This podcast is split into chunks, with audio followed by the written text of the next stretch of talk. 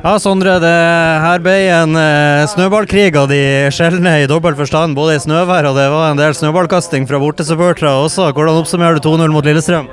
Nei, eh, så Jeg syns vi leverer alt i alt en, en, en god kamp. Eh, selvfølgelig ble det litt start og stopp, mista litt rytme i det, men eh, vi leverer en god første omgang, og så detter vi litt i andre, men eh, en god kamp. oppsummert. Så ble det skåring på det også.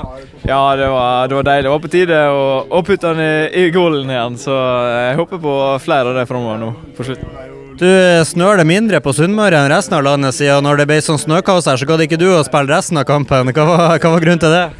Nei, Jeg sliter litt i tresykla med noe småtteri, så uh, når det ble så lang pause, så blir det vanskelig å, å, komme i gang igjen. og Da var det bedre å ikke ta noen sjanser i dag. Det kommer andre kamper. Men du er klar på torsdag mot SKA? Ja.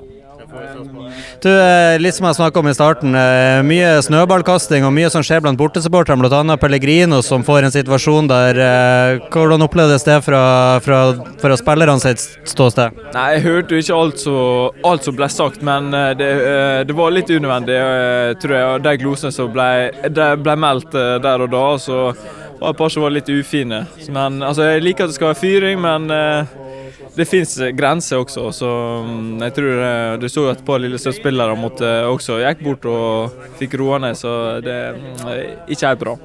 Flaks at eh, De kan jo ikke være kjempevant med snø på Lillestrøm. for Jeg registrerte når dere sto ti stykker og feira det ene målet, og det var ikke en eneste snøball som traff dere. Så, så snøballkasting er ikke Lillestrøm-supporternes sterkeste side, i hvert fall. Nei, det, det så ikke sånn ut.